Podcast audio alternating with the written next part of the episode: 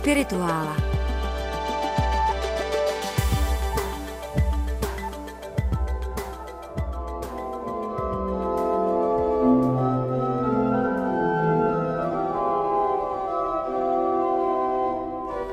Martine, když si mi poslal svoje poznámky k tématu etruskové, kterým se dneska budeme věnovat, tak jsem jako vždy se začala dívat, co tak najdu na internetu. A jako jeden z prvních odkazů jsem objevila zadání, které dal nějaký učitel dějepisu 6. A třídě a tam byly tyto otázky. Tak schválně v jakém politickém uspořádání etruskové žili. Jako peršané, egyptiané nebo řekové? No tak nejblíž to bylo řekům, protože to byly samozprávné obce, které tvořily jakousi federaci. Jaké bylo jejich náboženství? Tři až pět informací chci. No ale o tom bude celý ten pořad. Aha, takže to je otázka na závěr pořadu pro naše milé posluchače. A čím se etruská společnost výrazně lišila od všech předchozích? Svoboda žen. Na to doufám taky dojde řeč. A co víme o písmu a jazyku etrusků? Písmo se podařilo nakonec vyluštit, i ten jazyk se podařilo vyluštit, ale máme velmi malou slovní zásobu, takže o tom jazyku víme velmi málo a nevíme stále, do jaké skupiny patří. Hmm.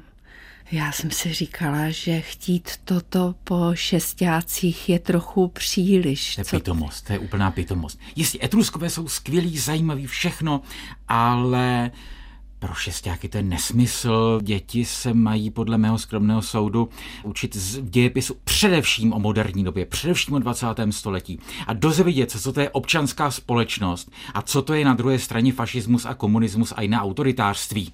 Jo? Vlastně si mě naštvala. Teda jako ne ty, ale, ale zpráva, že tohle učí šestáky. No, dobře, tak těm etruskům a jejich občanské společnosti.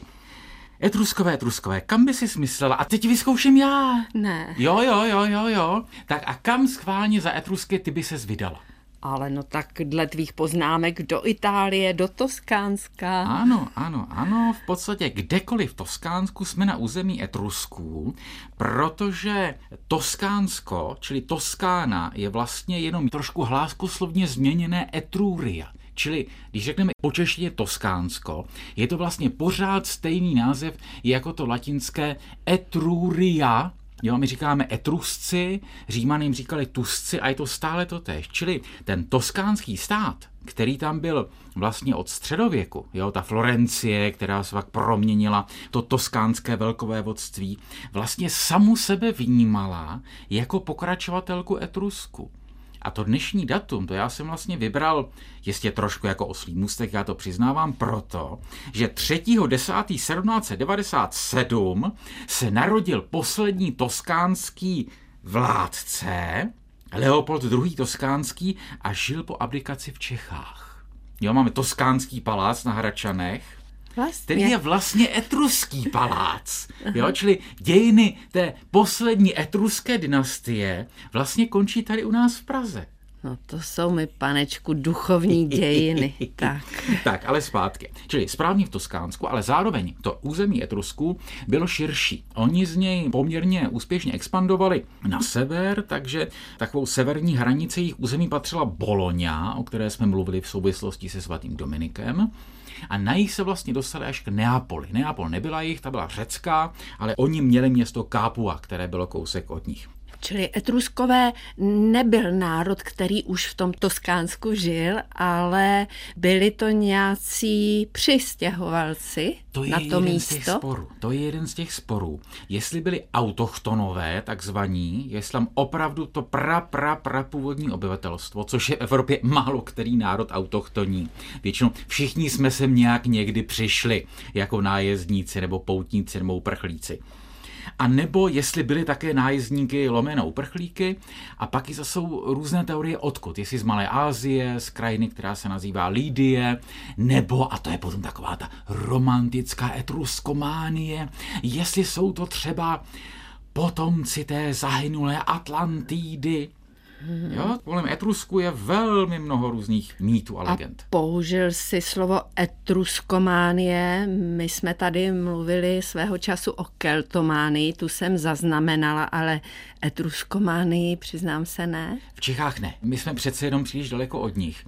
Takže dejme tomu, četl se tu samozřejmě ten Valtaryho román Tajemný Etrusk, což je přesně taková ta beletrizovaná etruskománie, ale nikdy tady nebylo blouznění o tom, že jsme etrusci. Ale pozor, to měli Slovinci.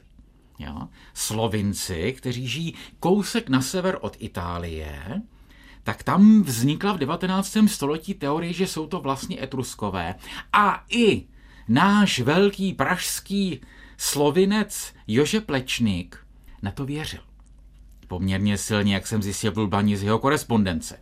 Jo, takže etruskománie se tu a tam někde vyskytuje, a, ale většinou souvisí s tou teorií, že ten a onen národ vlastně s nimi souvisí. Což v Čechách tedy nebylo, ale mnohé jiné národy to napadalo. Ale stejně nejzajímavější je to, jak se k tomu vlastně vztahují římané, kteří žili na území, které původně patřilo Etruskům. Římské dějiny rané republikánské jsou vlastně dějinami boje o samostatnost proti Etruskům. Zároveň čtyři z těch sedmi římských králů byli etruskové, Jo, a to ti králové takzvaně dobří a králové takzvaně zlí, až po Tarquinia Superba, toho, kterého svrhli a vlastně založili republiku. A bohužel my nemáme jejich prameny, my nemáme tu druhou stranu. My jenom víme, že byly latinsky napsány dějiny Etrusků. A mlátíme hlavou o zeď v žálu, že se nedochovali. A napsal císař Claudius. Jo? Ten, kterého známe z toho románu Roberta Gravese a Claudius, případně z toho starého britského seriálu, tak ten skutečně podle pramenů, podle Suetony a dalších napsal dějiny Etrusku, ale bohužel se nedochovali. Takže to, co my o nich máme od římských historiků, jsou jenom konkrétní zprávy. Byla bitva, jo, Etruskové napadli Řím, jo, byla bitva o město Veje, vtrhli tam, bránili se, neubránili se, ale vlastně soustavné pojednání o těch dějinách a to, co nás zajímá o tom náboženství, to vlastně nemáme. Takže my máme jenom eh, vlastně hmotné zprávy a to jsou zprávy z hrobek. My máme to etruské vizuálno. Těch několik artefaktů v muzeích ve Florencii, v Římě, ve Villa Giulia a dalších. A máme dochovaná dvě etruská města. Ale to jsou, milá Nino, to jsou města mrtvých. To jsou Tarkvínie a Červétery. Obě dvě jsou to města, no prostě města mrtvých, která jsou v Láciu, kousek na sever od Říma. A tam se nežije? To město už nežije, jen jsou tam vedle je, vedle je potom moderní město, které normálně ano. žije a samozřejmě žije z turistů, kteří se přijíždějí podívat na ty etruské nekropole. Ale to, co nazýváme tím městem mrtvých, to jsou ty nekropole. Jo, to jsou vlastně poměrně rozlehlé prostory, které jsou ale úplně jiné. Červétery a Tarkvínie. Protože červétery to jsou hrobky kupolovité, které jsou uspořádány do takového skutečně města. Má ulice a jdeš ulicí a tam prostě hrobka vlevo, hrobka vpravo a jsou tam vily, čili takové ty prostě mohutné hrobky pro rodiny a takové jako paneláky pro nějaké chudší etrusky. A naopak červétery, ty jsou zvnějšku méně efektní. Když přijíždíš k červétery, nevidíš nic, protože to je všechno podzemní. A to jsou ty slavné malované nekropole. A zase uvnitř jsou to celé domy. Jak známe prostě římský dům, který je vlastně etruský dům. Jo, ta struktura, kde je uprostřed to atrium, okolo jsou ty malé pokojičky pro rodinu a nějaká pracovna případně a vstup. To je etruské původně. A oni si vlastně dělali takovéhle domy sami pro sebe i po smrti. Jo? Takže je to mm, taková zvláštní věc. My o etruscích víme to, jak pohřbívali a těch málo slov, které máme, těch věd, to jsou věty z těch náhrobků, z těch uren. Čili nejtypičtější etruská věta je Já jsem urna Jana Nováka. Tady leží Jan Novák a celá jeho rodina. A říkal si, že jsou tam ale taky malby, tak z těch maleb se taky asi dále dá, co vyvodit. A to jsou neuvěřitelně veselé pohřební malby. to jsou malby, na kterých ti mrtví hodují. To je pak ten motiv, mm-hmm. který je i ty hostiny bohů toho Valtaryho a v dalších etruskologických nebo etrusko-manických dílech. Ta představa, že vlastně podsvětí je taková věčná hostina. Čili trochu jako v Koránu. A z toho můžeme asi vyvodit něco i o jejich náboženství, ne? Jo a ne, protože tam vlastně není moc obřadu, tam není moc božstev zobrazeno. Tam jsou prostě ti hodující mrtví, kteří jsou krásní, jo, takový prostě poloodhalení, ale je vidět, mají takovou svalnatá ideální těla popíjejí pochopitelně, pojídají něco, tančí se tam, nástroje. Ženy a muži pohromadě, jo? to je zajímavé opravdu, to je ten aspekt ženské svobody. Víme, že řekové zásadně chlastali bez žen ženy, když tak jenom nějaké kurtizány, nějaká fletnistka, ale tady jsou ty manželské páry, které sedí a na dosmrti spolu hodují. A tak možná proto se Martine taky dochoval, zdá se, podle časopisu Vesmír, který vyšel v červenci roku 2016,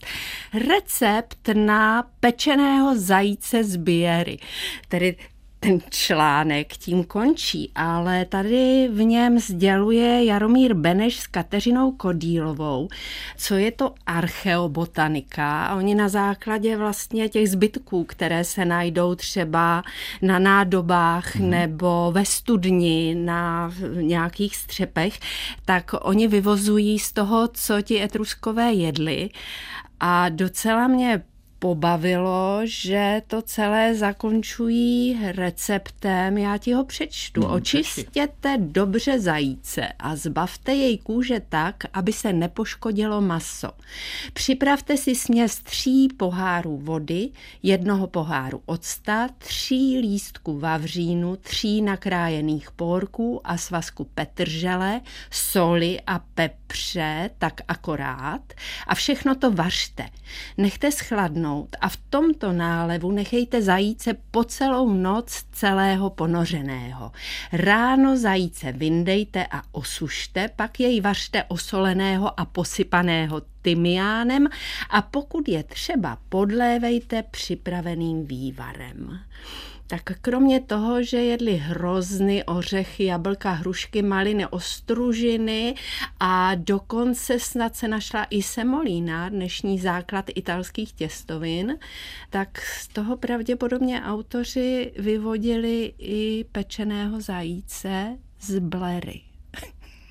Ehm, proč ne? Jistě časem někdo vydá, pokud už nevydal etruskou kuchařku. No, ale přece jenom zpátky k tomu náboženství. My tady tak o tom hodování, o těch rozkošných hostinách a písních a tancích. A pak se něco stalo. A my nevíme co, protože nemáme jich napsané dějiny. Něco se stalo, nebo se změnil vkus, to je taky možný. A ty malby v těch hrobkách se strašně změnily a začaly se tam objevovat příšery. Čili ve starším období, jo, to už se umí datovat, jsou to ty hostiny a pak nastanou takové obludy, kterým se říká různě jako chárůn, jo, čili jako řecký cháron. On je to hodně s těmi řeky propojené, jo, samozřejmě. A to jsme pořád v té Tarkiny? To jsme pořád v těch Tarkiných. A, tam je prostě mladší vrstva hrobek, kde to začne být strašidelné a takový prostě držky a křídla a rohy a kladiva a pochodení, která osvětluje cestu do podsvětí. To vypadá jako když tam přišlo křesťanství. to mě nenapadlo. Ne, samozřejmě reálně ne. To je, to je mnoho století před příchodem křesťanství. Ale eh, ty tady trošku vlastně si už naťukla něco, k čemu jsem se chtěl dostat až v závěru. Ale už to řekněme. Katolicismus na etruské náboženství možná navazuje víc, než si myslíme. A to si asi musíme vysvětlit, předpokládám. Tak jdeme na to. Podívej se. Jak řečeno, od nich nic moc nemáme. Ale máme zprávy od Římanů, a to ne, takhle, ne o těch jejich dějinách, jak se vyvíjela ta města, ty federace a případně co se jim stalo a podobně. Ale máme zprávy o vlastním římském archaickém náboženství, o těch jeho kněžských bratrstvech, o těch obětech, o věštění. To naprosto nejzásadnější na starém římském náboženství není ta mytologie, která je konec konců ti bohové, kteří jsou většinou převzaní od řeku s etruskými jmény. Jo, je řecká palas Aténa, etruská Menrva, a z ní jako ten typus té bojovné bohyně moudré zároveň vznikne Minerva. Jo, řecký typus, etruské jméno po latinštině. Takže bohové, ale stejně to nejdůležitější je věštění. Oni pořád věštili. Oni pořád měli pocit, že se musí dozvídat, může se konat zasedání senátu nebo ne. Máme vytáhnout do bitvy nebo ne. Eh, má otec eh, teď, eh, já nevím co, prostě vdávat dceru nebo ne. A to víme z těch římských. A to víme z těch římských. Protože římských pramenů máme tři mandele jo, všech možných eh, zápisů, kronikářských i těch jenom, jenom na nápisech, že ní pořád věštili. A ty typy toho věštění, to znamená věštění z toho, jak žerou nebo nežerou posvátná kuřata, eh, věštění z jater, obětovaných zvířat a věštění z blesků, podle toho, kam blesky letí, jo, kde se snesou podobně. Ten motiv eh, hrobu blesku, tam kam spadl blesk, tam se udělal takzvaný hrob blesku. Jo, to všechno mají římané od Etrusku, čili to, co zjednodušeně řečeno, to, co v římském náboženství není řecké, to je etruské. Jenom to dostalo prostě jiné názvy. Takže všichni ti Augurové a Haruspikové a Flaminové, to, co u Livy a dalších historiků pořád prostě a ptali se Augurů, co mají dělat, to je od Etrusku. A ještě jeden aspekt, když jsem mluvil o tom katolicismu. A to je přesný průběh obřadu. To je ta představa, že obřad, speciálně oběť, protože obřady byly většinou oběti, prostě vzali zvíře, něčím posypali, podřezali a teď prostě co dělají s tím masem, co dělají s kůží, co se spálí, co se sní a tak dále. A ty rituální formule. Musí to být absolutně přesně, jinak to nefunguje. Jo? Jinak to je vlastně magický obřad když tam ta čarodejnice něco do kotle dá trošku nepřesně, měsíc trošku v jiné fázi, tak to nefunguje. A úplně přesně stejně to měli oni. To od nich zvěděli římané. A my zase z římských historiků víme, že když se římský kněz při oběti zakecal, rozumí se, nezapovídal, ale šumloval, jak se říká v rozhlase, přeřekl se, znova a zpátky a nemohli to střihnout, jako tady v rozhlase střihnem, ale museli to celé úplně od začátku. A to máme právě spojeno i s tím Klaudiem, který jakožto římský císař musel vykonávat i ty kněžské funkce. A Claudius, jak známo, koko. Koko. koktal. Koktal. Takže to musel podle těch historiků říkat znova a znova, dokud to prostě neřekl správně. A si řekne, co je na tom katolického? No, katolicismus, jak jsme mnohokrát říkali, má mnoho podob. A jedna z nich je ta víra v ten naprosto přesný rituál. Jo, to, co je dneska ta víra v tu tridentskou mši, že jedině ta je správná. Jo, že všechny jiné obřady malinko odchylné, že božstvo na to nereaguje. Že prostě božstvo v nebesích řekne, e, e, to je špatně, z toho žádné požehnání nebude. Naopak, naopak jste mě naštvali, že jste to udělali špatně že ten kalich a patina je tam jinak, že se řekne, obětuje se ne pro mnohé, ale pro všechny. To je špatně. A to je strašně etruské. Mm-hmm. Mně, Martine, eh, napadá, že ještě něco, co já považuji za mnohem důležitějšího, jsme zdědili v té křesťanské Evropě od Etrusku a sice to, že vztah mezi ženami a muži. Nevím, zda je Wikipedie pro tebe dostatečně dobrý zdroj, ale tam se píše, že žena se mohla uvádět jako dcera svého otce, sec, či sech a jako manželka svého muže půjá. Oproti tomu se muž nikdy neoznačoval za manžela určité ženy. Etruská společnost byla tudíž patrilineární a zřejmě i patriarchální, kde jedinci mužského pohlaví dominují ve výkonných a všeobecně významných pozicích. Chtěl jsi mluvit i o tom? Neměl jsem v úmyslu, ale klidně mohu. Tak zaprvé o té Wikipedii. Na Wikipedii vždycky opatrně. Především vždycky lépe jít do anglické Wikipedie, nebo když se to týká nějaké národní kultury, tak pokud možno do té příslušné národní Wikipedie. Tím, že je otevřená, tak samozřejmě tam různí lidé mohou psát i cokoliv a pokud to není něco politicky kontroverzního, na co hned bude někdo reagovat, tak tam také prostě píší různí pisálci a o různých sektách rádi píší členové těch sekt. Takže o knize Mormon se tam dočteš, že vlastně to není tak úplně vyloučeno, že je to přece jenom pravdivé. Protože tam prostě píší nějací mormoni. Budiš jim přáno. Takže obecně na Wikipedii velký pozor. A to, co si citovala, eh, za druhé, ano a ne. Jistě to byla pravda, že ta společnost byla dominována muži, stejně jako všechny ostatní ve starověku. Ale ve srovnání s toho, co víme o těch řecích, je to etruské pořád relativně svobodnější.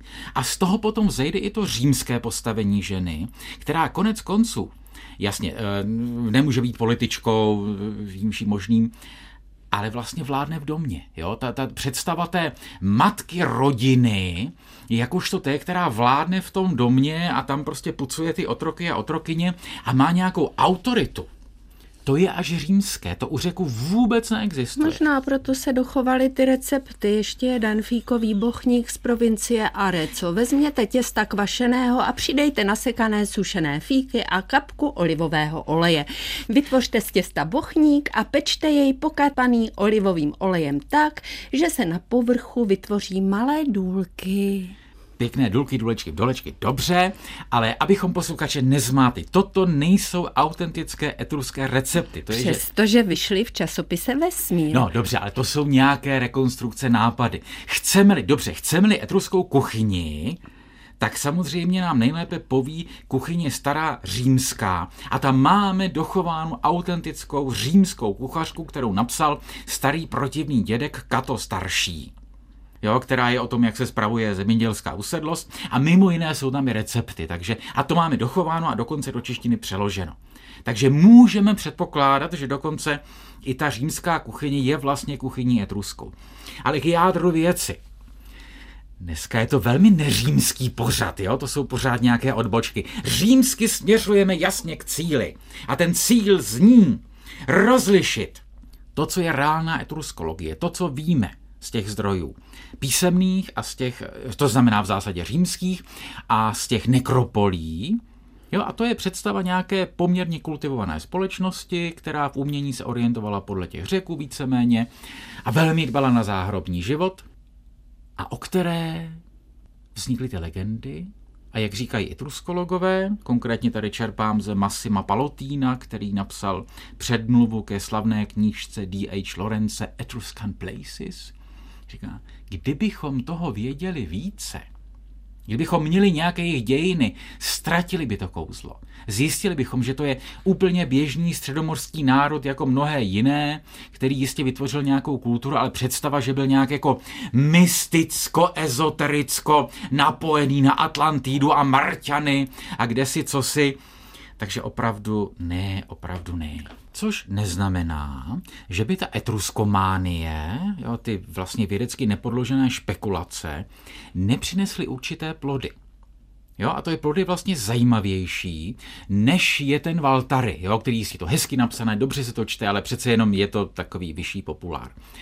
Mnohem zajímavější je už ten zmiňovaný třeba D.H. Lawrence, který tam sám vlastně putoval do Tarkvíní, do Červé, tedy ve 20. letech.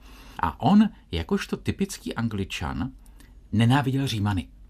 Obrazně, angličané nemají rádi většinou Římany, protože jim závidí to impérium, protože Anglie kdysi byla součástí římského impéria a to pro tradicionální a imperiálně smýšlejícího Brita je ta nejstrašnější urážka. A proto D.H. Lawrence nad těmi hroby v těch městech Tarquíny a Červétery spřádá svoje teorie, že Etruskové byli lepší národ než římané, v tom smyslu, že tolik neválčili, tolik jim nezáleželo na impériu, tolik nedbali na ten společenský pořádek a na to podřízení jedince celku a že víc žili. Jo, on říká, to byli takový vlastně epikurejci antiky, jo, kteří se tak jako užívali a vlastně moc nestáli ani o svoje vlastní zvětšnění, jo, že proto ani nenapsali žádné dějiny. Mm-hmm. A mají Italové žijící v Toskánsku vlastnosti, které pramení právě z tohoto. Jsou to ještě více Italové, kteří dbají na to tady a teď a užít si života? Toť velmi sporné. Já si myslím, že ne. Oni se k ním samozřejmě hlásí. Vzpomínám, jak jsme seděli ve městě Arezzo, což bylo jedno z těch etruských měst, a jak kolem přijela dodávka s um, obrazem vinného hroznu a s nápisem Fufluns. A to fufluns je jedno z mála etruských slov, které známe bezpečně, a to znamená víno. Jo, či dnešní nějaká vinařská dodavatelská firma se jmenuje etrusky Fufluns což je opravdu jako úžasné slovo. A samozřejmě na dvoře medičejských a v té platonské akademii samozřejmě tomu špekulovali, jo, že oni jsou přece ti etruskové a že proto ten jejich zájem o Platona a o ta stará moudra, že to vlastně vyplývá z jejich dějin, ale říct, že by Toskánci byli nějak jako ještě uvolněnější a tím žít tady a teď než ti na jihu, to si myslím, že ne. Na to přece jenom jenom byli příliš mnoho staletí součástí, ne součástí, ale jedním z center eh, toho duchovního, uměleckého, intelektuálního. Jo, když bychom hledali to etrusství ve smyslu, no, no tak si, si posedíme, pojíme, dáme si kafíčko, ono se potom něco stane, to bychom spíš museli na jih, to znamená do Neapole a dál, Apulie, Kalábrie, Sicílie, a tam to určitě není vliv etruský, protože tam etruskové nebyly. Tam je to spíše vliv toho opravdu horkého podnebí. A když už, tak je to vliv arabský. Protože tam Sicílii měli arabové nějakou dobu a ty vlivy vysílali na sever, takže takové to, mm, tak to, když už, tak je to spíš arabské. Takže ono je to všechno složitější. Aby to bylo ještě složitější, římský papež římský papež. Jaký má oficiální titul? Já vím, římský papež má mnoho oficiálních titulů, ale jeden z nich zní Pontifex Maximus. Doslova nejvyšší pontifex. Ještě etymologicky dozadu nejvyšší stavitel mostu. A Pontifex Maximus byl titul vůdce římského kolegia kněží pontifiků, jo, kteří měli na starost nějaké specifické obřady. A podle jedné teorie vlastně navazují na nějaké etruské kněžské bratrstvo, které mělo opravdu na starost ty fyzické mosty, Jo, starost prostě o mosty nad těmi, víme, že Toskánsko je velmi dramaticky stavěné, takže tam o ty mosty měno přírodně, takže o ty mosty tam velmi jde. A zároveň symbolicky Pontifex, ten, kdo staví most mezi zemí a nebem, mezi lidmi a bohy. Takže římský papež, když převzal tento pohanský titul od Římano původně od Etrusku, by měl být ten, kdo staví most mezi nebem a zemí. A já bych zopakovala otázku pana učitele, jaké tedy bylo etruské náboženství. Podcast Spirituála Duchovní Evropa poslouchejte na webu Českého rozhlasu Vltava, v aplikaci Můj rozhlas a na dalších podcastových platformách.